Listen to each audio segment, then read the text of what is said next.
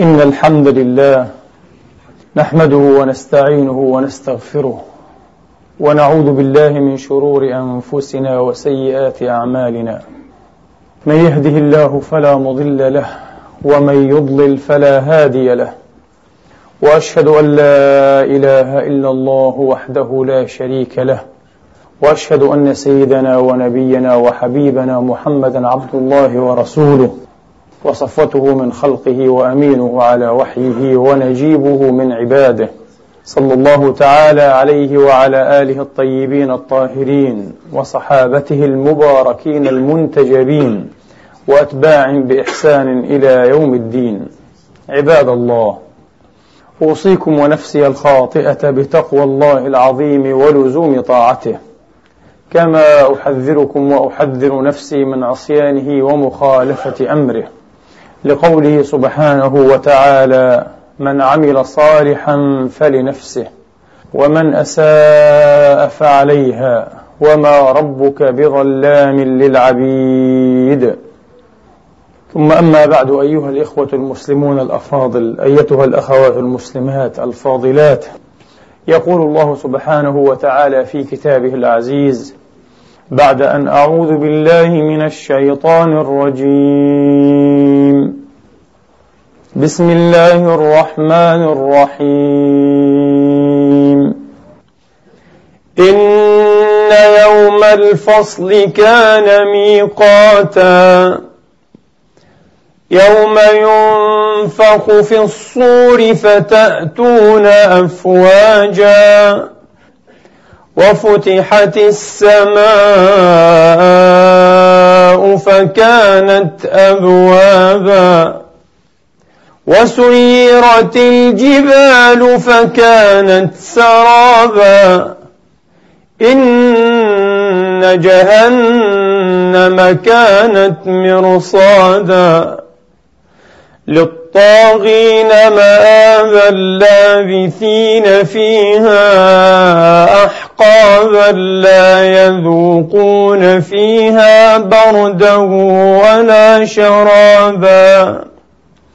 إلا حميما وغساقا جزاء وفاقا. إنهم كانوا لا يرجون حسابا. وكذبوا بآياتنا كذابا. وكل شيء أحصيناه كتابا فذوقوا فلن نزيدكم إلا عذابا. صدق الله العظيم. وبلغ رسوله الكريم ونحن على ذلك من الشاهدين. اللهم اجعلنا من شهداء الحق القائمين بالقسط. آمين. اللهم آمين. أيها الإخوة والأخوات إن جهنم كانت مرصادا للطاغين مآبا. لابثين فيها أحقابا لا يذوقون فيها بردا ولا شرابا إلا حميما وغساقا. جزاء وفاقا. أيها الإخوة والأخوات هاتان الكلمتان الوجيزتان الكريمتان.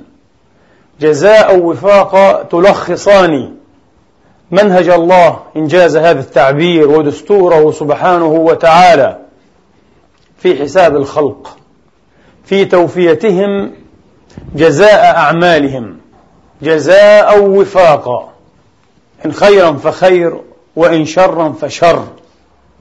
ونحن نردد دائما عبارة صحيحة المعنى على أنها حديث وليست بحديث لكن معناها صحيح. الصحة كلها. الجزاء من جنس العمل. الجزاء من جنس العمل.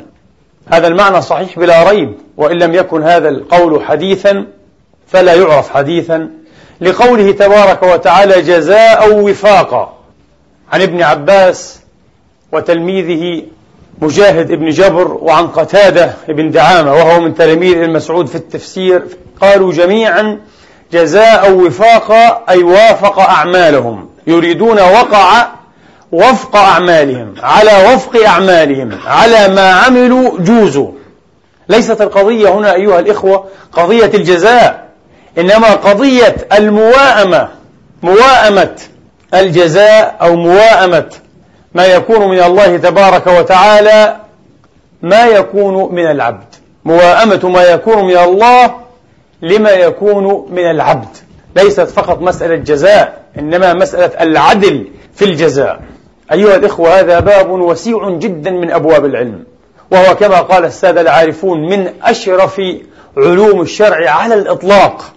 وهو أحيانا ظاهر وأحيانا يغمض جدا ويدق فلا يصل إليه إلا الأفراد والأفذاذ. فبنا دائما أن ننعم النظر وأن ندقق الفكر في كل ما نصب الله تبارك وتعالى من أثوبة وأجزية من وعد ووعيد بإزاء الأعمال المختلفة. ستظهر لنا وجوه واضحة جدا وستدق وتعمق وتغمض وجوه كثيرة. ولا يمكن للإنسان أن يستفيد الاستفادة كلها من النص الإلهي قرآنيا كان أو نبويا إلا إذا بلغ بفكره وبهداية الله له. هذه الوجوه الغامضة الدقيقة. بعضها كما قلت لكم في منتهى الوضوح. قوله تبارك وتعالى نسوا الله فنسيهم. لماذا نسيهم؟ جزاء على نسيانهم لله. واضح جدا.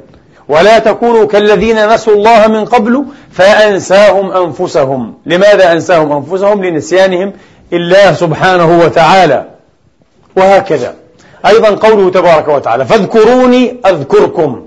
واضح. قوله تبارك وتعالى فاذكروني أذكركم واشكروا لي ولا تكفرون. لئن شكرتم لأزيدنكم. الزيادة مقابل الشكر. أيضا واضح إلى حد بعيد وليس كل الوضوح لكن واضح إلى حد بعيد. قوله تبارك وتعالى أيضا ومنهم من عاهد الله لئن آتانا من فضله لنصدقن ولنكونن من الصالحين. فلما آتاهم من فضله بخلوا به وتولوا وهم معرضون فأعقبهم نفاقا في قلوبهم إلى يوم يلقون بما أخلفوا الله ما وعدوه وبما كانوا يكذبون والعياذ بالله. لأنهم أخلفوا العهد فطبعهم الله بهذا الطابع طابع النفاق والعياذ بالله تبارك وتعالى. والمنافق يخلف دائما عهده ومواثيقه فالجزاء من جنس العمل. فالجزاء من جنس العمل والعياذ بالله تبارك وتعالى. آيات كثيرة جدا في كتاب الله.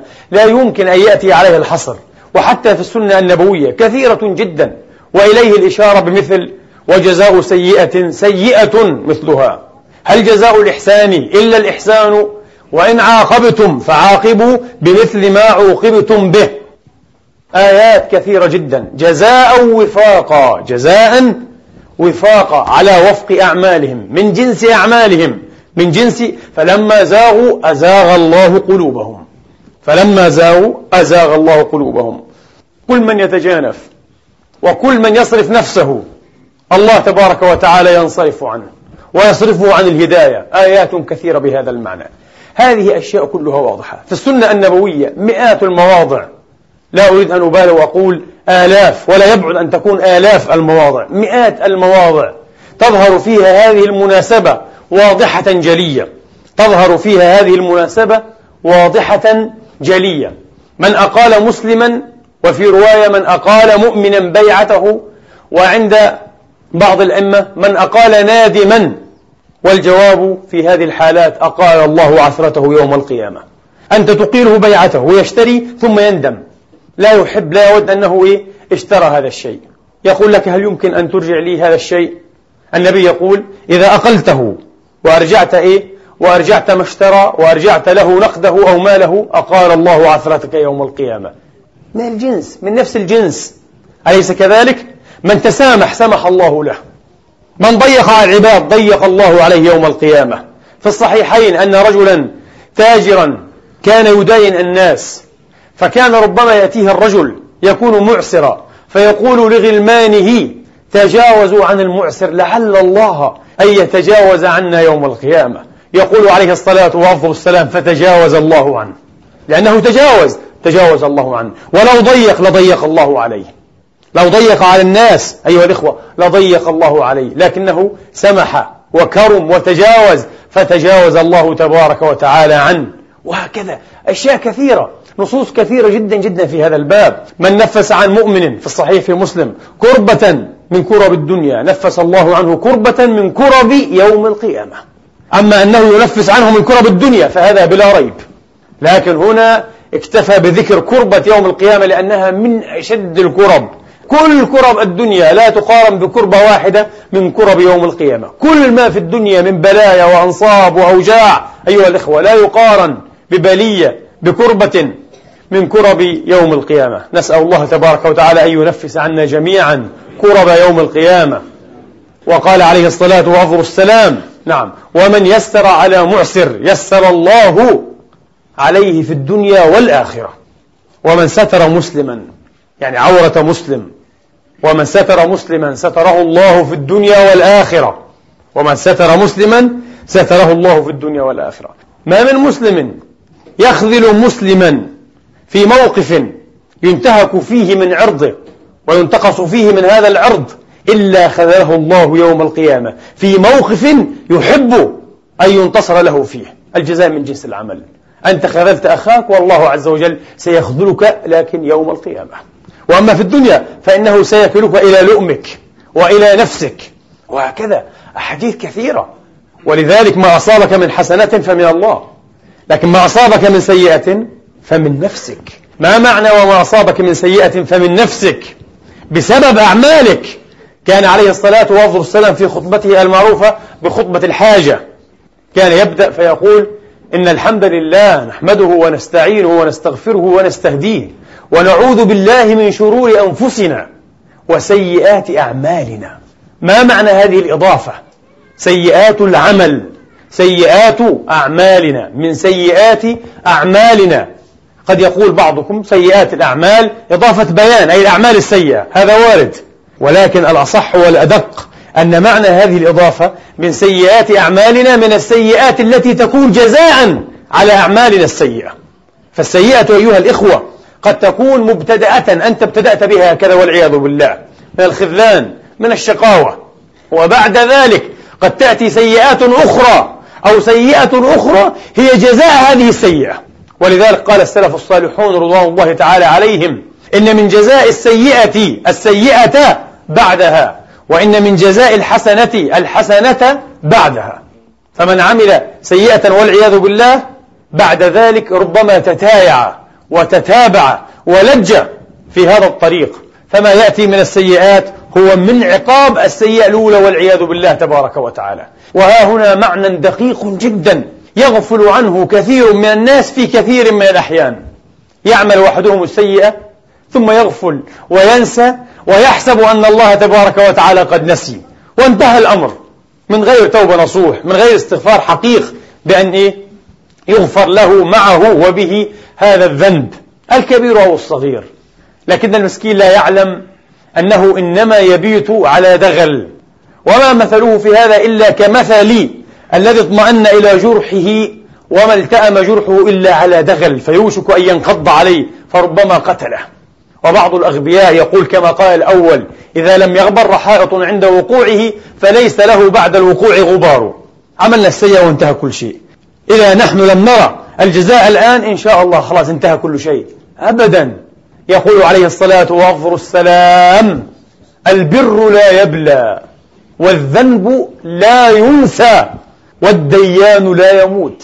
اعمل ما شئت كما تدين تدان. الحديث المشهور جدا والذي خرجه الإمام عبد الرزاق الصنعاني في مصنفه عن أبي قلابة مرسلة ووصله أحمد في الزهد عن أبي الدرداء وإن كان فيه انقطاع موقوفة. المهم البر لا يبلى. ما معنى البر لا يبلى؟ البر هو العمل الطيب العمل البار العمل الحسن. لا يبلى أي لا ينقطع جزاؤه عند الله تبارك وتعالى. وقيل لا يبلى أي لا ينقطع الثناء على صاحبه. ولعل الأول أظهر لأن الله تبارك وتعالى يضاعف لمن يشاء. فلذلك لا ينقطع ثوابه إن شاء الله والذنب لا ينسى. قال السادة العلماء نبه بهذا القول صلوات ربي وتسليماته عليه على هذا المعنى الدقيق جدا الذي يغفل عنه أكثر الناس في أكثر الأحايين. لا الذنب لا ينسى الذنب موجود وربما يأتيك العقاب ولو بعد حين يا مسكين. المشكلة أننا لا نحس من أين أوتينا أيها الإخوة. هنا أريد أن أفصل في معنى لطيف ودقيق جدا. أيضا هو من نفيس العلم.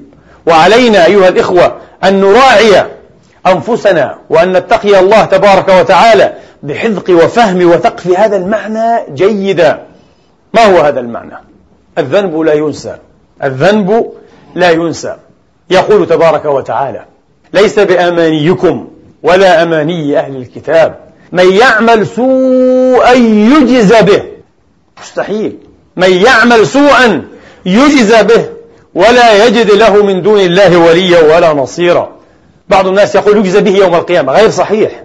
بالذات المؤمن المؤمن الكافر له حساب آخر ولله طريقة أخرى في التعاطي معه في معاملته. أما المؤمن أيها الإخوة المؤمن يجزى بأعماله دنيا وأخرى معاشا ومعادا إن عاجلا وإن آجلا إن عاجلا وإن آجلا. من يعمل سوءا يجزى به عباد الله كما قال أحد الصالحين الله الله الحذر الحذر. لقد ستر حتى كأنه غفر وما غفر ولقد أمهل حتى كأنه أهمل وما أهمل. الحذر الحذر لقد ستر حتى كأنه غفر. وما غفر؟ من أدراكم أنه غفر؟ سيؤاخذك ولو بعد حين يا مسكين. ولقد أمهل حتى كأنه أهمل وحاشاه. الله لا يهمل وما كان ربك نسيا. وما أهمل. طيب من يعمل سوءا يجزى به. هذه الآية أيها الإخوة.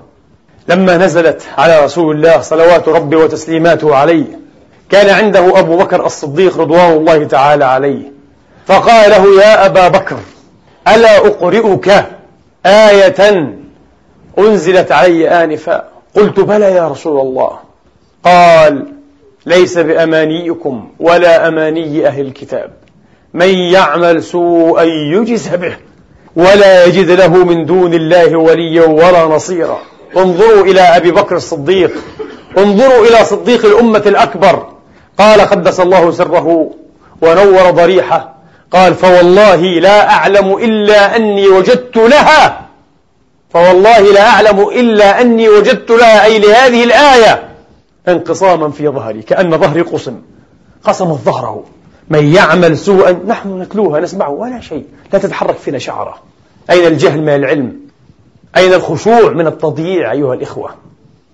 أين الصفاء من التخليط؟ نقرأ ونسمع. شعر كأن ظهره انقسم لها. قال حتى أني تمطيت لها. حركت فقار ظهري وعظامه هكذا. شعر أن ظهره قصم فرآه النبي عليه الصلاة والسلام. قال ما لك يا أبا بكر؟ قلت يا رسول الله أينا لم يعمل سوءا أو إنا لمجزيون بكل سوء عملناه فقال عليه الصلاة والسلام أما أنت يا أبا بكر وأصحابك أما أنت يا أبا بكر وأصحابك المؤمنون فيعجل الله لكم تبارك وتعالى هذا في الدنيا بالبلايا بالمصائب الكبيرة والصغيرة حتى تلقوا الله وليس عليكم ذنب. وأما الآخرون فيجمع الله لهم تبارك وتعالى ذلك حتى يجدوا جزاءه يوم القيامة. أخرجه عبد بن حميد وأبو بكر بن المنذر والإمام الترمذي وابن جرير وغيرهم.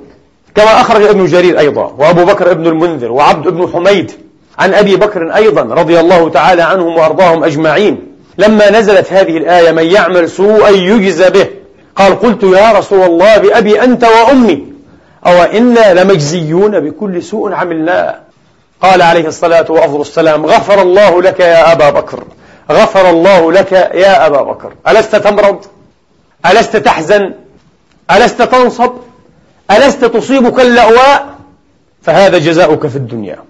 فهذا جزاؤك في الدنيا. أو قال فهذا ما تجزون به في الدنيا. إذا الجزاء في الدنيا أولا. ثم يوم القيامة غدا أيها الإخوة. انتبهوا لكي نتعلم أن نتفكر دائما من أين أوتينا. من أين أوتينا؟ يحكى أن حدأة والله أعلم. يحكى أن حدأة سألت نبي الله سليمان عليه الصلاة وأفضل السلام قالت له يا نبي الله سل لنا ربك أمهول هو أو عجول?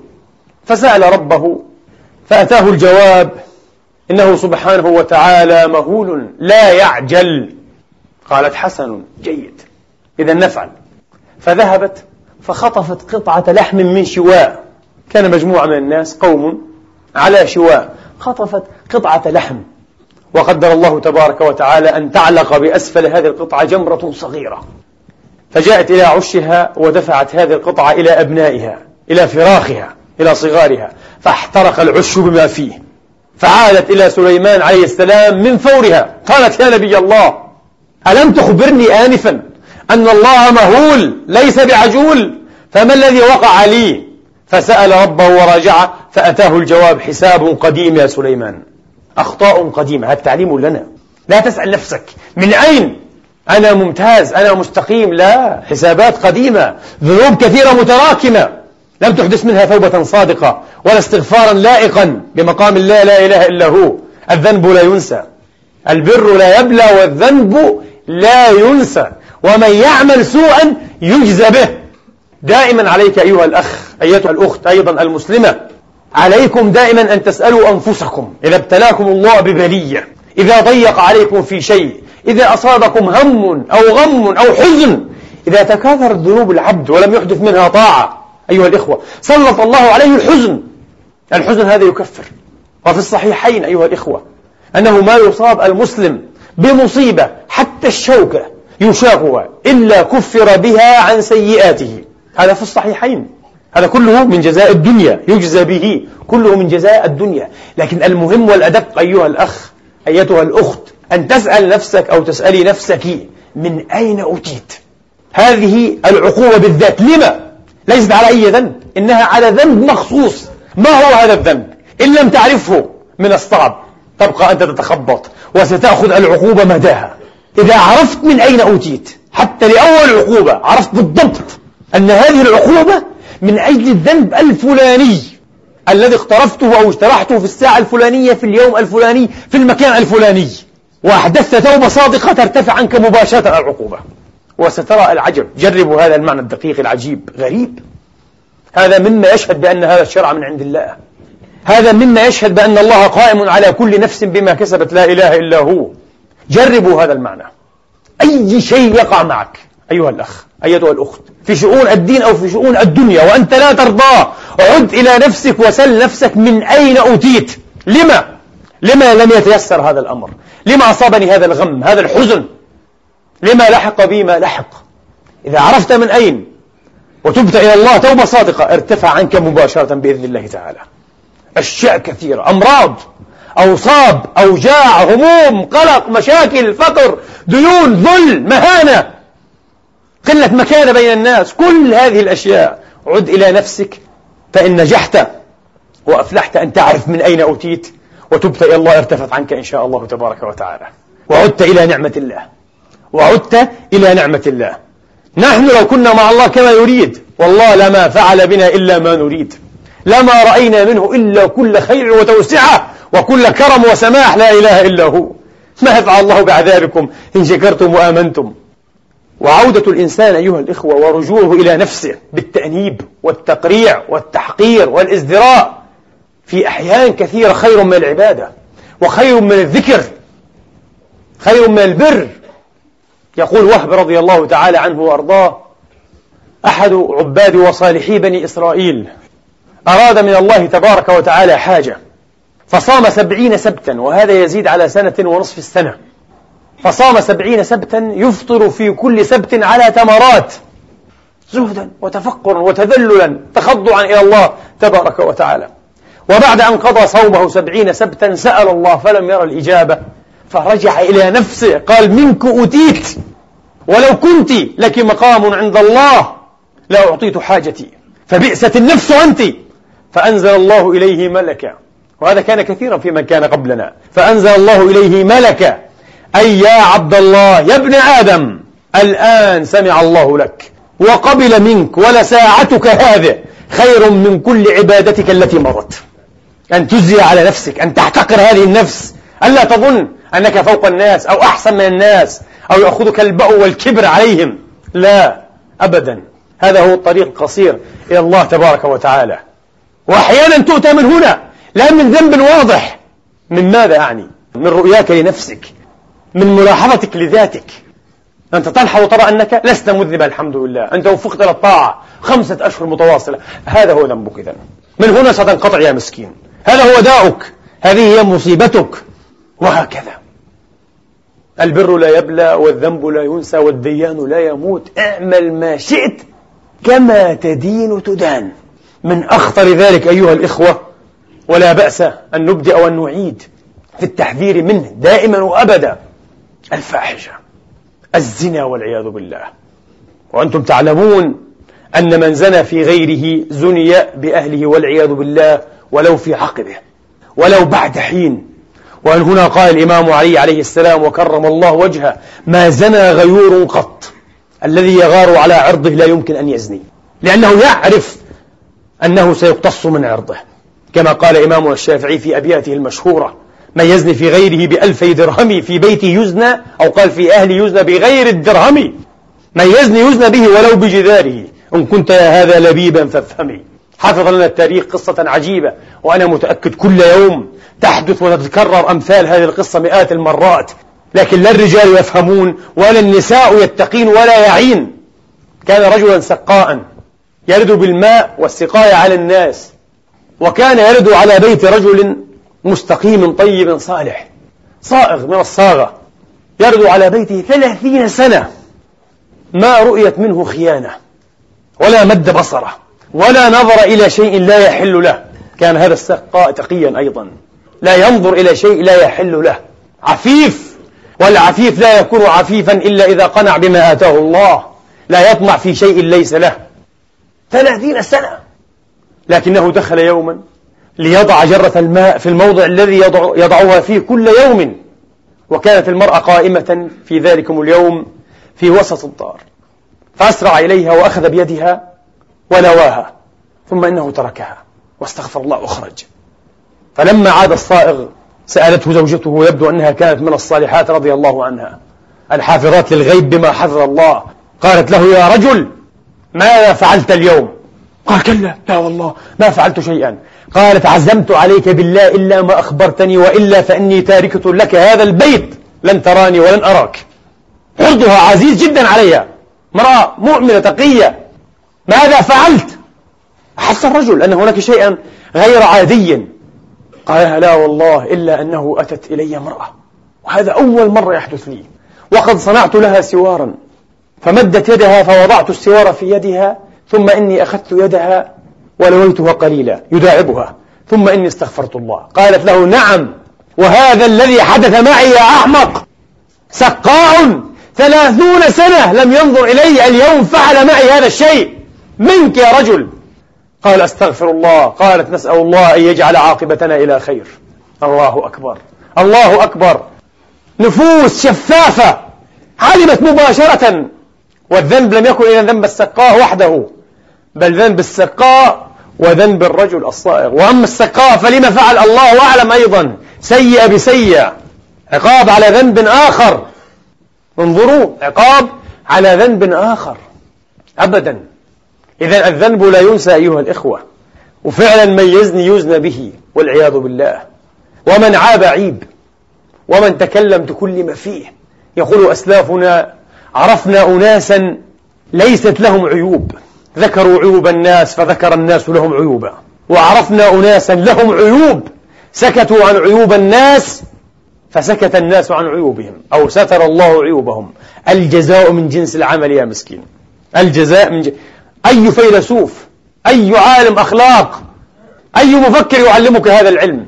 هذا لا تجده إلا في كتاب الله وفي سنة مصطفى عليه الصلاة وأفضل السلام. هذا من دقيق العلم من جليل العلم أيها الإخوة. أي أيوة والله لا يفهم هذا إلا مؤمن بالله واليوم الآخر. إلا مؤمن أو مؤمنة. أما كافر أما جاهل بشرع الله فلا يكاد يذوق شيئا من هذه الفهوم ومن هذه الطعوم. نسأل الله تبارك وتعالى أن يفقهنا في ديننا وأن يهدينا سبل السلام. إنه ولي ذلك والقادر عليه. أقول هذا القول وأستغفر الله لي ولكم فاستغفروه.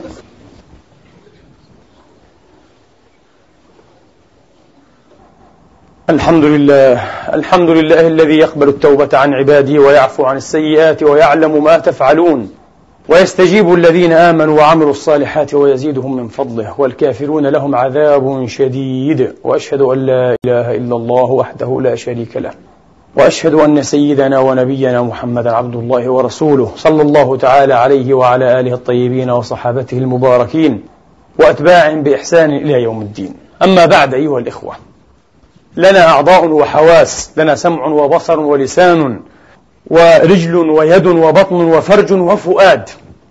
إذا هذه أعضاء سبعة أو ثمانية. على كل عضو رتب الله تبارك وتعالى طاعات.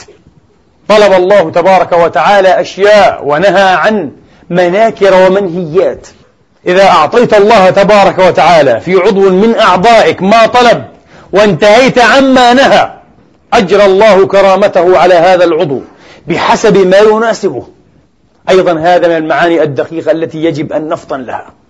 بعض الناس يكشف الله تبارك وتعالى عنه. يقال يقول حتى العوام مكشوف عنه الحجاب بلغة العامة. بمعنى أنه يرى أشياء لا يراها الناس ويسمع أشياء لا يسمعها الناس ويلهم أشياء في قلبه كأنه يراها والناس لا تلهم ولا تعرف من أين وكيف ولما. هذه هي القاعدة. هذه هي القاعدة فاحفظوها. من حفظ بصره وصانه من كل ما لا يريده الله تبارك وتعالى من كل ما يؤثر على صفاء الإيمان والطاعة. رأى ما لا يرى الناس فربما رأى الملائكة وربما رأى عذاب المقبورين أيها الإخوة وربما شيء رأى شيئا من الملكوت الأعلى وربما رأى أشياء أعجب من ذلك. وهذا وقع للصحابة والتابعين وأولياء هذه الأمة ولا يزال يقع بحمد الله رب العالمين. البصر كنت بصره الذي يبصر به. كنت سمعه الذي يسمع به وبصره الذي يبصر به. الله يقول في الحديث الصحيح في البخاري كيف؟ هذا هو المعنى. ومن صان سمعه عن الخنا وعن كل ما لا يرضي الله تبارك وتعالى سمع الملائكة. وربما سمع تسليمهم. وأما من رآهم وسمعهم فهذا صاحب طاعتين في بصره وسمعه. فهمتم؟ لذلك بعض الأولياء يسمع الملائكة ولا يراهم لأنه لم يقم بحق الله وافيا كاملا في بصره. قام بهذا الحق في سمعه فأعطي هنا ولم يعطى هنا. ومن قام بالطاعة على وجهها في الحاستين أيها الإخوة أعطاه الله هذه الكرامة العجيبة. يرى ويسمع يرى ويسمع يسمع أشياء عجيبة. وإذا اتقى الله في لسانه وقال قولا مسددا قولا سديدا أنطقه الله بالحكمة وألهمه مرضاته في قوله ونطق بالكوائن قبل أن تكون. ويعجب الناس. والنبي قال إنه من المحدثين. هذا يكون محدثا. قالوا كيف محدث يا رسول الله؟ قال تنطق الملائكة على ألسنتهم. أو قال تنطق الملائكة على لسانه. يتكلم بتوفيق إلهي. لأنه حفظ هذا اللسان. ومن حفظ بطنه فلم يدخله شبهة. فضلا عن حرام. ماذا حصل له؟ ماذا يحصل له أيها الإخوة؟ كان مستجاب الدعوة. أطب مطعمك تكن مستجاب الدعوة. وأيضا حفظه الله تبارك وتعالى من كل طعام لا يرضى. وأراه آية في ذلك. كان الحارث بن أسد إذا مد يده إلى طعام فيه شبهة نبض له عرق فيقول قوموا أو خذوا هذا الطعام. لا يأكله الله بينه وبين الله عهد. أنني سأحفظك من كل طعام فيه شبهة يا حارث لأنه اتقى الله في طعمته. اتقى الله في طعمته. وأيضا من حفظ الله في بطنه بارك الله له في القليل وأوتي كرامة هي من الميراث النبوي. ماذا؟ لو وضع يده في طعام يبارك في هذا الطعام. فربما يكفي هذا الطعام ألفا من الناس أو أكثر أو أقل لأنه حفظ الله. ومن حفظ الله في فرجه ماذا يعطى أيها الإخوة؟ يعطى سر الشفاء. يتلو بيده هكذا ربما أبرأ الأكمه والأبرص. لماذا؟ والتي أحصنت فرجها. فنفخنا فيه من روحنا وصدقت بكلمات ربها وكتبه وكانت من القانتين. عيسى جاء من هنا ومن هنا قيل من حفظ فرجه أوتي سر الشفاء ورزقه الله الذرية الصالحة المباركة. بحفظ الفرج. سر. كل عضو هكذا أيها الإخوة. لم يبقى متسع الوقت أن نفصل في هذه المسألة لكن هذا هو السر وهذه هي القاعدة. ومن تعلم الستر أيها الإخوة يعلم العيوب والفضائح والنقائص ويستر سترا جميلا.